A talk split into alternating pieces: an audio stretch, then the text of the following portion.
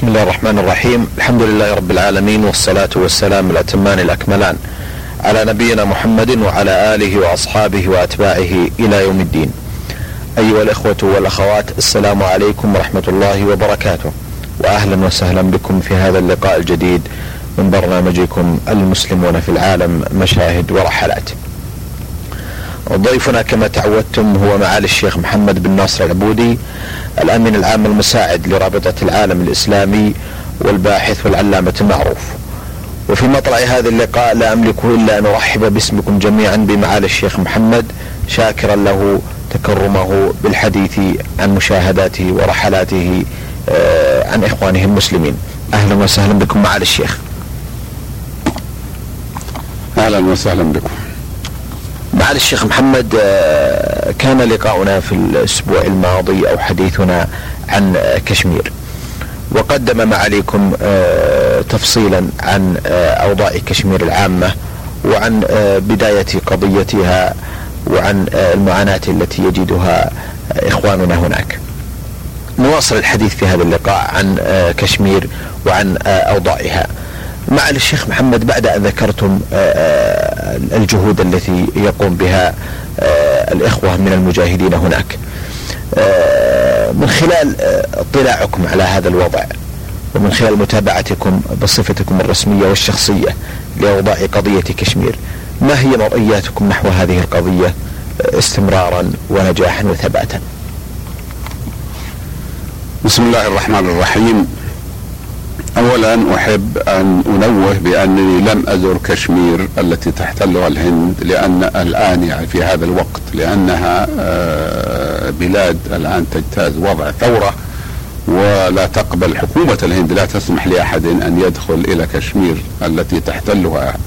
ولكنني زرت كشمير الحرة الواقعة في باكستان والتي عاصمتها مدينة مظفر آباد. وذلك للاشتراك كما قلت في الحلقة السابقة في المؤتمر العالمي لكشمير وألقيت فيه كلمة واجتمعت مع الإخوة المجاهدين مع رؤساء المجاهدين خمسة منهم من الباكستانيين وبذلك اطلعت اطلاعا مباشرا على أفكار إخوتنا المجاهدين وعلى ما آه، آه، يريدون أن آه، يبلغون إياه.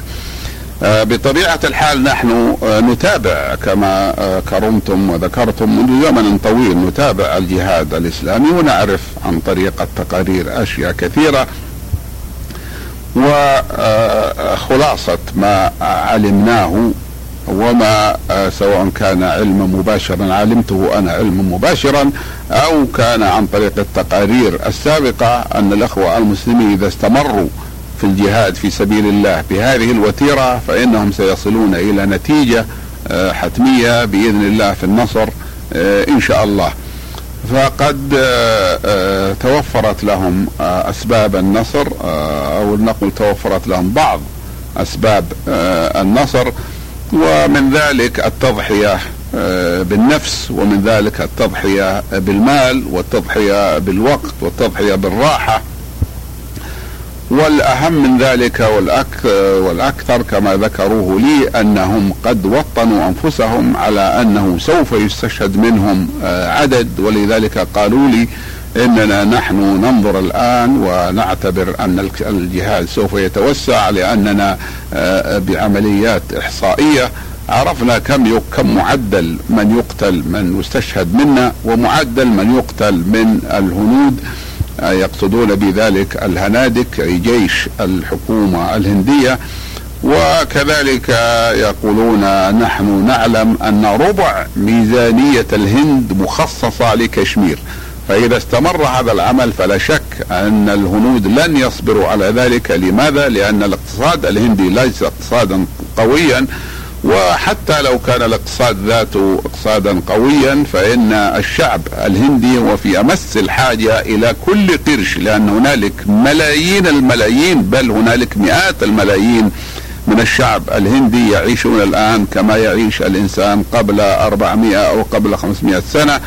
يعيشون في منازل لا تتوفر فيها الظروف الصحية وبعضهم في بعض المدن يعيشون في الشوارع بحيث أنهم يبقى تبقى الأسرة طول حياتها في الشارع ليس لها من مسكن إلا خيشة تفرشها أو قطعة من الكرتون تقيها من الشمس. في الارصفه فهؤلاء لا يمكن للحكومة الهندية أن تستمر على هذا الإنفاق على الهند على الحرب التي آه، يبلغ كما قال إخواننا آه، المسلمون. وقد سمعت هذا حتى من مصادر هندية أنها تنفق ربع ميزانيتها على الحرب في كشمير. ولكن المهم في ذلك أن يتعظ الإخوة المسلمون بقوله تعالى إن تكونوا تألمون فإنهم يألمون كما تألمون وترجون من الله ما لا يرجون. فالجهاد يجب الصبر عليه ويجب المصابرة أي تكرار الصبر أو كما يقول بعض الظرفاء يجب الصبر على الصبر. وهذا هو ما لمسناه عند الإخوة المسلمون عند الإخوة المسلمين المجاهدين في آه، كشمير. إنما نحن آه يجب أن نتذكر أن كشمير هي الولاية الوحيدة التي أغلب سكانها من المسلمين وهي تقع تحت حكم الهندوك. ولذلك يجب على المسلمين في أنحاء العالم جميعا كل بقدر طاقته أن يسهم في مساعدة المجاهدين لكي يستعيدوا استقلالهم أو لكي يقولوا رأيهم وينضموا إلى باكستان الدولة الإسلامية الشقيقة. ونحن بذلك لا نقول إنه يجب أن ترسل جيوش لكشمير فهذا موضوع آه، قد حسمه الإخوة وقالوا نحن لا نريد أن يأتي إلينا مجاهدون بأنفسهم لأن لدينا العدد الكافي من المجاهدين ولكن نحتاج إلى آه، التبرع للإنفاق على الأسر التي قتل عائلوها وعلى الإخوة الذين دمرت مزارعهم أو هدمت منازلهم كما أنهم يحتاجون إلى أنواع من السلاح التي لا تتوفر بأيديهم ولا يمكن أن يحصلوا عليها إلا بمال بالعملة الصعبة مثل بعض الأنواع الأسلحة الصواريخ المضادة للدبابات وإلى آخره. أحسنتم معالي الشيخ. آه، معالي الشيخ محمد آه، كيف تقيمون الوضع الديني والدعوي هناك من خلال زياراتكم المتعاقبة عليها ومن خلال اتصالاتكم أو اتصالات الرابطة بالاخوه آه، هناك وحاجتهم إلى الدعوة والنصح والإرشاد وإلى التذكير بأمور دينهم. لقد قلت إنني زرت كشمير قبل أن قبل أن يتسع نطاق الجهاد. عندما زرتها في السابق زرتها مرتين. واحدى الزيارات كانت قديمة في عام 1399 ولم يكن فيها أي نوع من أنواع القتال في ذلك الوقت. كما أنني زرتها الزيارة الثانية في آخر رمضان عام 1401 وقد عيدت الفترة في كشمير في ذلك الوقت لأنني لم أجد فرصة للسفر إليها في غير رمضان فاخترت أن أزورها في العطلة آه، خلال عطلة العيد فسافرت إليها آه، في اليوم الرابع والعشرين من شهر رمضان وبقيت فيها إلى اليوم الثالث من شهر شوال لأنني حريص على أن أعود إلى عملي بعد انتهاء عطلة آه، الفطر في ذلك العام. آه، في ذلك الوقت لم تكن لم يكن هنالك آه، في الحقيقة جهاد آه، بالسيف بمعنى أنه لم يكن هنالك قتال وإنما كان هناك كانت هناك جمعيات إسلامية وبعضها قوي مثل الجماعة الإسلامية وبعضها أقل قوة. وكذلك هنالك جمعية مهمة وهي جمعية أهل الحديث وقلت ان إنها مهمة. لأنني لاحظت أن الخرافات تنتشر في كشمير كانت تنتشر انتشارا عظيما. لم أرى له مثيلا في أي ولاية من ولايات الهند آه التي زرتها وقد زرت ولايات الهند آه كل كل زرت ولايات الهند كلها. فرأيت أن الخرافات منتشرة إلى درجة أن عندهم مسجد اسمه مسجد الشعرة. وهذا قد يشتبه على بعض الناس أن يريد بذلك شعرة الرسول فهنالك مسجد آخر لمسجد شعرة الرؤوس. الرسول صلى الله عليه وسلم هو أعظم من من هذا خطرا وهو أكثر شهرة. ولكن الثاني شعرة الشيخ عبد القادر الجيلاني. قد بني مسجد ضخم ورأيت بعض نساء المسلمات النساء المسلمات مع الأسف الشديد يسجدن على الأعتاب تقربا لهذه الشعرة أو للشيخ عبد القادر الجيلاني وهذا أمر لا يجوز ويجب توعية الإخوة المسلمين. وأذكر أنني آه، كدت آه، أختصم مع سادن الشعره لأنني عندما وصلت إلى قرب المحراب المسجد وهنالك ما يشبه الصندوق مغلق بأقفال آه، قديمة وقوية فكان معه ماء ويقول الماء بالبركة الماء المقدس الماء المقدس. قلت له أي مقدس؟ أي تقديس هذا الماء؟ قال إنه هذا آه، الماء هو قريب من الشعرة قلت له يا هذا الشعرة من أي مكان من جسم الشيخ عبد القادر؟ فأشار إلى عارضه أي إلى خده وقال من هنا. قلت له هل رأيت هذه الشعرة قال لا. قلت له من الذي جاء بها؟ قال يقولون إن الملك الفلاني أظن قبل 300 سنة جاء 400 سنة جاء بها. وربما لا تكون هنالك شعره أصلا. وحتى لو كانت هنالك شعره فكيف يأتي تأتي شعره من شعر الشيخ عبد القادر قبل 700 سنة؟ ولو فرضنا أن الشعره جاءت وأن حقيقة فما هي آه، قوة الشعره وما هي فائدتها؟ هذا إذا كان الأمر امرا عقليا. أما إذا رجعنا إلى النصوص الشرعية التي يجب أن نتقيد بها وتكون جميع تصرفاتنا الدينية منطلقة منها فإنه لا يجوز آه، تعظيم هذه الشعرة سواء كانت شعرة الشيخ عبد القادر الجيلاني أو غيره. هذا فيما يتعلق بالشيخ عبد القادر الجيلاني. لكن عندهم هنالك شعارات هي أعظم اثرا آه، عندهم وكبيرة. ومسجد عليها مسجد ضخم يسمونه حضرة بال حضرة هذه كلمة معروفة تقال للتقدير في الهند وبال الشعرة. فالمسجد اسمه حضرة الشعرة.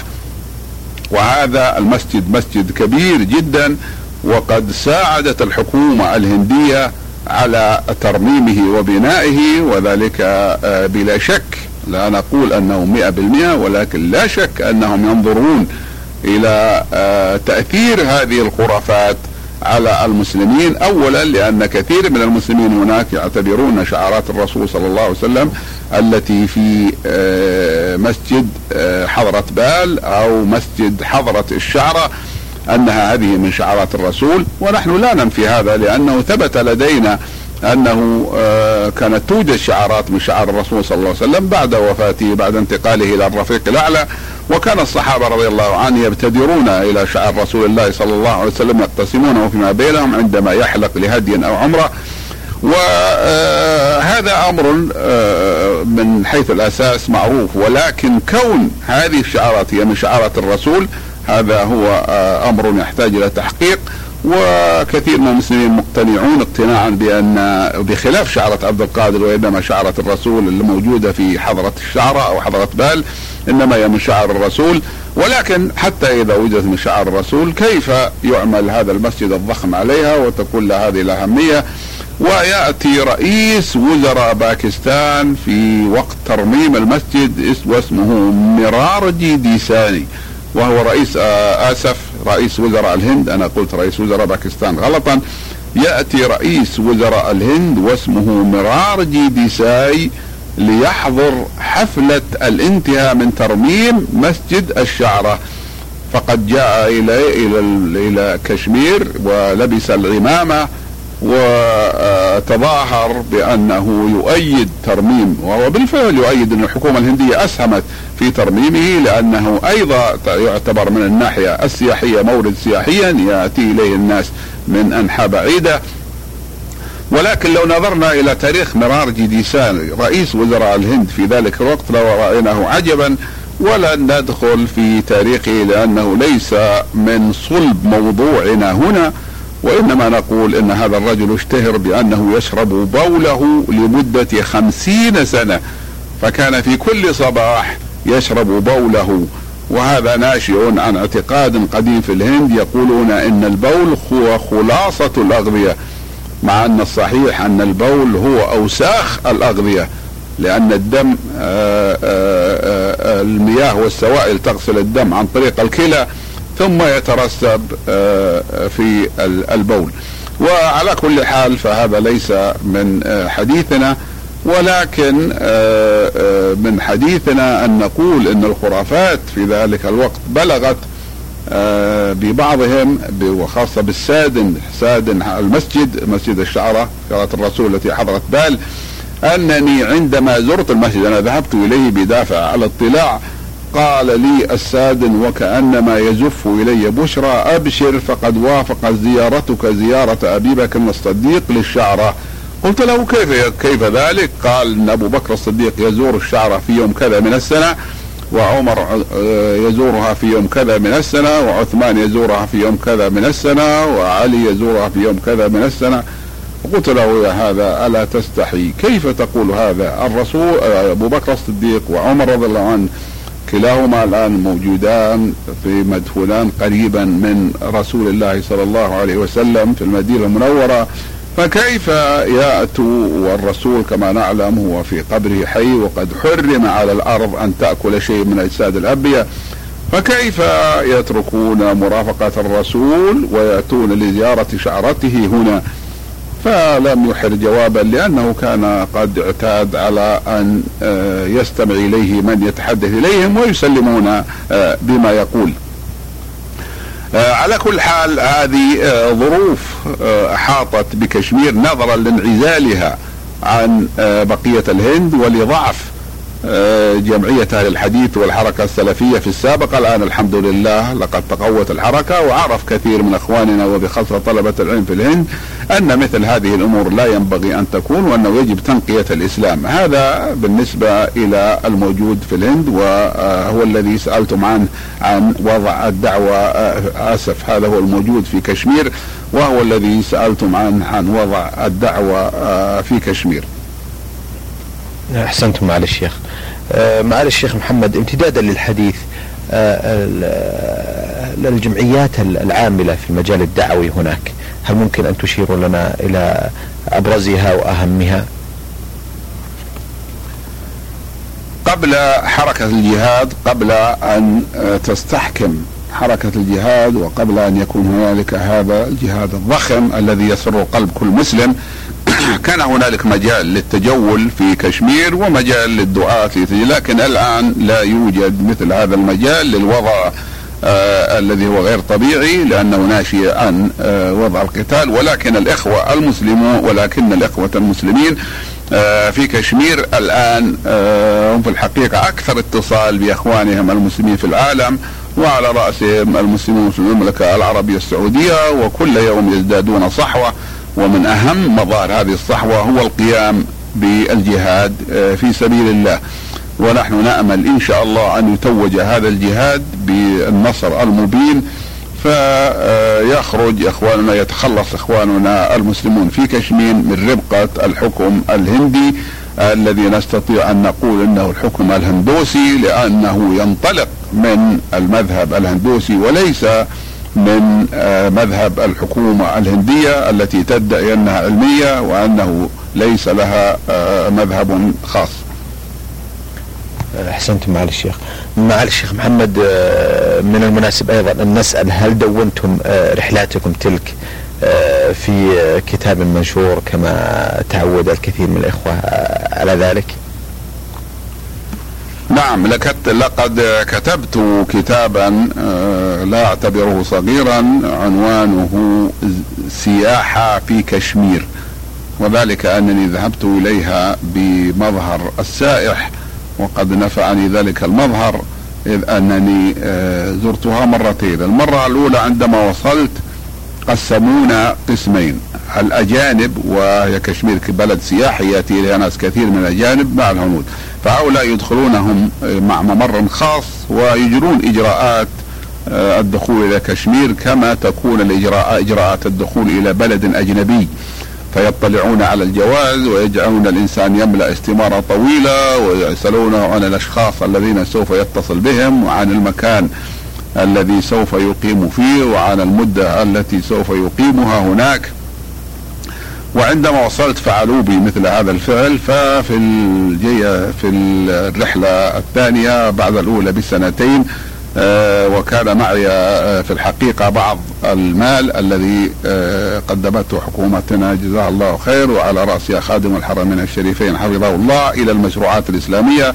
مثلا لأنني كنت رأيت بعض المساجد التي تحتاج إلى عبارة وبعض المدارس الإسلامية التي تحتاج إلى مساعدة.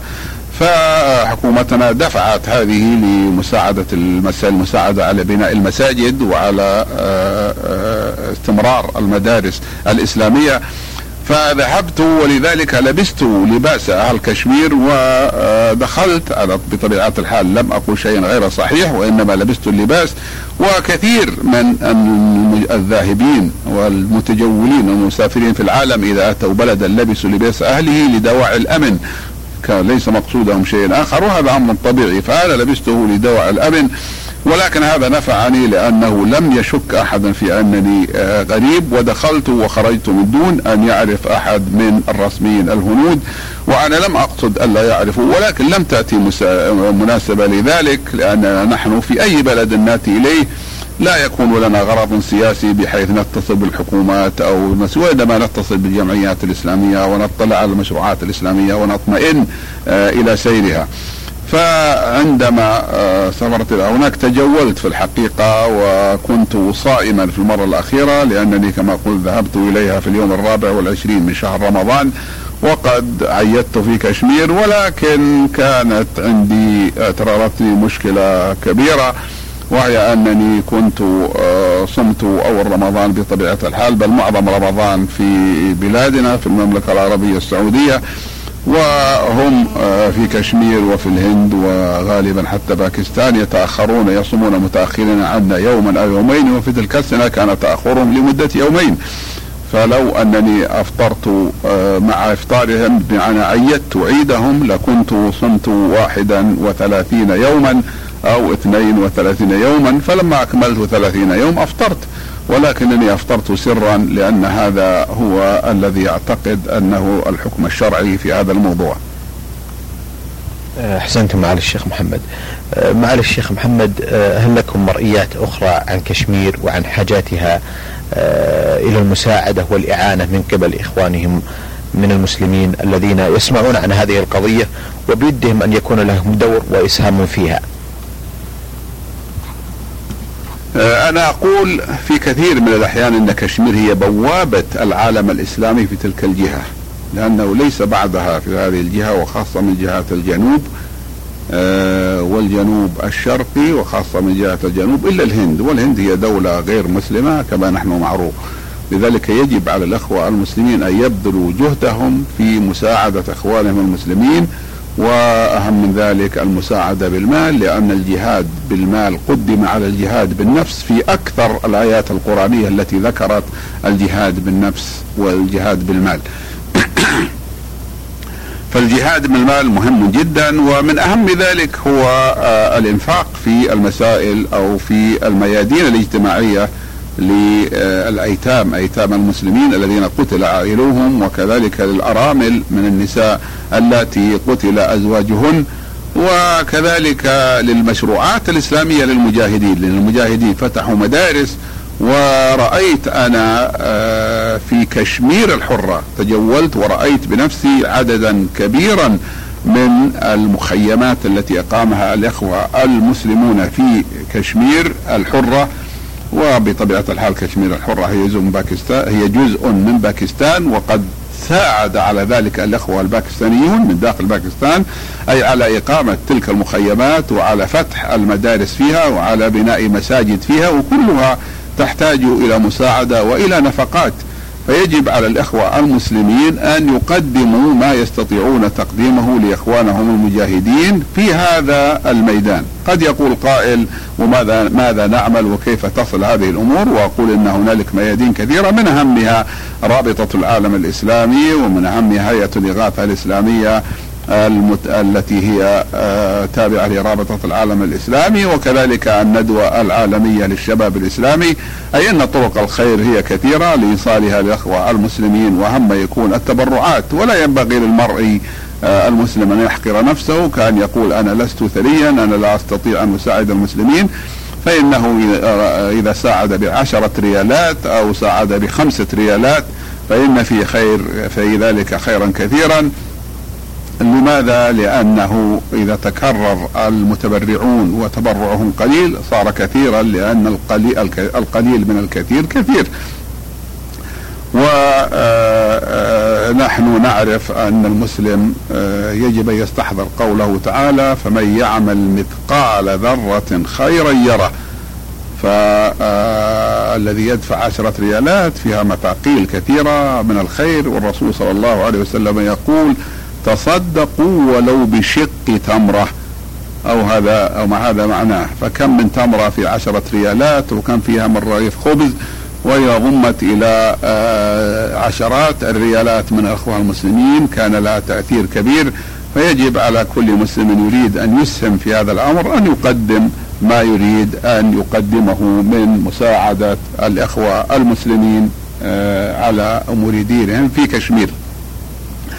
ونحن نعرف أن أولا الرسول صلى الله عليه وسلم قال ما نقص مالا صدقة. فالصدقة لا تنقص المال بل ورد في الحديث بل تزده بل تزده بل تزده. فإذا كان المسلم تبرع بما يستطيع أن يتبرع به من مال فإن ذلك لن ينقص ماله وهو في الوقت نفسه ينفع إخوانه المسلمين. ختاما معالي الشيخ محمد آه، الكثير من الأخوة سمع عن الهدنة التي آه، وقعت في الأيام الأخيرة بين آه، الحكومة الهندية وبين مجاهدي كشمير هل ممكن نتعرف من خلال اطلاعكم على أسباب هذه الهدنة وهل وهل هي عبارة عن توقف للعمل العسكري الجهادي من المجاهدين الكشميريين ضد الهند؟ آه، بالنسبة للهدنة لها أسباب. السبب الأول سبب سياسي لأن آه، الدعاية الهندية تقول أن المسلمين إرهابيون وأنهم هم الذين يريدون استمرار القتال. فهذا ينزع عن الهند هذه الحجة أو يضعفها. آه، السبب الثاني أن الحكومة الهندية هي الآن متعبة ومضطرة إلى من يفتح لها نافذة. فإذا جاءت النافذة من المجاهدين فربما تقبل الحكومة الهندية وبالفعل الحكومة الهندية رحبت بهذه إلا أن الخلاف بينها أن الأخوة المجاهدين قالوا لابد أن تكون المباحثات مع آه، بين باكستان والكشميريين من جانب وبين الحكومة الهندية. والحكومة الهندية تقول أن باكستان ليست لها علاقة بكشمير وهذا طبعا آه، غير صحيح لأنه لو اضطردنا هذه القاعدة لقلنا أن الولايات الهندية الآن ليست للهند شأن بها. لأن هندستان مثل باكستان أنشئت آه، في يوم واحد في آن واحد. فلا يمكن أن يقال أن باكستان ليست لها علاقة بكشمير لأن هذا من حقها التاريخي آه الذي تقرر في ذلك الوقت أن تكون منضمة إلى باكستان لأن أكثرية السكان فيها هم آه من المسلمين. ولكن الشيء الذي ينبغي أن نعرفه أن هذه الخطوة التي حدثت من بعض المجاهدين وهو الدعوة إلى هدنة ليست ناشئة عن ضعف. بدليل ذلك أنهم هم الذين ألغوها لأن الحكومة الهندية لم تستجب إلى أن تكون باكستان موجودة في المباحثات. فهم أقوياء ومصممون بإذن الله وإن كانوا يحتاجون إلى المساعدة كما يحتاج إليها أي شعب آخر يجاهد للحصول على حريته واستقلاله. آه، لكن معالي الشيخ محمد آه، البعض يقول إن الإمكانيات الضعيفة التي هي متاحة الآن للكشميريين لا تسمح لهم بمزيد من العمل العسكري الذي يواجه قوة عسكرية هائلة وكبيرة. آه، صحيح ندرك أن النصر من عند الله سبحانه وتعالى وأن القوة هي قوة الإيمان اولا وأخيرا. لكن قد هذا الاستهلاك للارواح وغيرها يستدعي مزيد من التكتيك أو التنظيم الذي يجب أن يقوم به مجاهدي كشمير قبل آه، بدئهم بالعمل العسكري. اولا آه، يجب آه، ألا نزل الأمور بميزان مادي. فنحن لدينا شاهد وقبل أن يحدث هذا الشاهد نحن على يقين من أمر الله سبحانه وتعالى ومن وعده بالنصر لمن نصره. فعندما قام الإخوة المجاهدون الأفغانيون بالجهاد ضد القوات الروسية وكانت روسيا في ذلك الوقت أكثر دول العالم سلاحا وعددا وكذلك عدد جنود أقصد من ذلك وكذلك أكثر آه، دول العالم دبابات ومدافع السلاح التقليدي حتى من أمريكا هي أكثر حتى من أمريكا. والمقصود من ذلك ليس نوع السلاح وإنما المقصود من ذلك السلاح العادي المعتاد الذي فبلغني بل رأيت بعض إخواننا من المشايخ كتب آه، في جريدة يقول إن الجهاد بين الأفغان الأخوة المسلمين الأفغان وبين روسيا أو ضد القوات الروسية هو جهاد غير متكافئ ولا يمكن يكون متكافئا لأن الروس لديهم القوة التي لا يمكن أن يهزمها أمثال هؤلاء المجاهدين. ولكن أثبت العمل الإسلامي أنه عكس ما قيل وقد انتصر المجاهدون. طبيعة الحال هنالك أسباب كثيرة لنصر المجاهدين ولكن أهم أهمها تلك الأسباب وأقواها هو صدقهم في آه، ضد آه، الغزاة الروس. الآن لو بحثنا المسألة موضوع مادي سواء كان بالعدد أو بالمال أو بقطع السلاح المتوفرة فلا شك أن الهند أعظم وأكثر. ولكن الأمر كما قلتم آه، فيما يتعلق بالناحية المعنوية.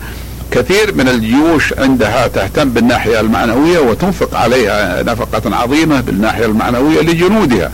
فالمسلمون على يقين من النصر بإذن الله ويؤيدهم إخوانهم المسلمون في باكستان وفي أنحاء العالم ولكن تختلف درجات ذلك التأييد كما هو ظاهر. فالمطلوب الآن من الأخوة المسلمين أن يؤيدوا إخوانهم سواء كان ذلك تأييدا سياسيا أو حتى تأييدا اقتصاديا. والتأييد الاقتصادي أن آه، يربطوا الإقدام على المشروعات الاقتصادية المهمة للهند مثل السدود ومثل المساهمة في إنشاء آه، محطات الكهرباء ومثل المساهمة على مد الطرق الحديدية. الأشياء الضرورية للهند يجب أن يشترطوا على أننا نحن على استعداد لأن نساعدكم ولكن بشرط أن تجدوا حلا للقضية الكشميرية. وإذا عملت الدول الإسلامية بهذا الأمر مجتمعة فإن هذا سيوجه ضغطا اقتصاديا عظيما على الهند. لا سيما أن الدول العربية ربما كانت هي العميل الأول للهند فيما يتعلق بالتجارة الخارجية الخفيفة أي الصغيرة. المنتجات الهندية موجودة في كل مكان والعماله الهندية موجودة في العالم الإسلامي في كل في أكثر الأمكنة. والأموال التي تتدفق على الهند من العالم الإسلامي وبخاصة من دول الخليج. أموال ضخمة يحسب لها حساب.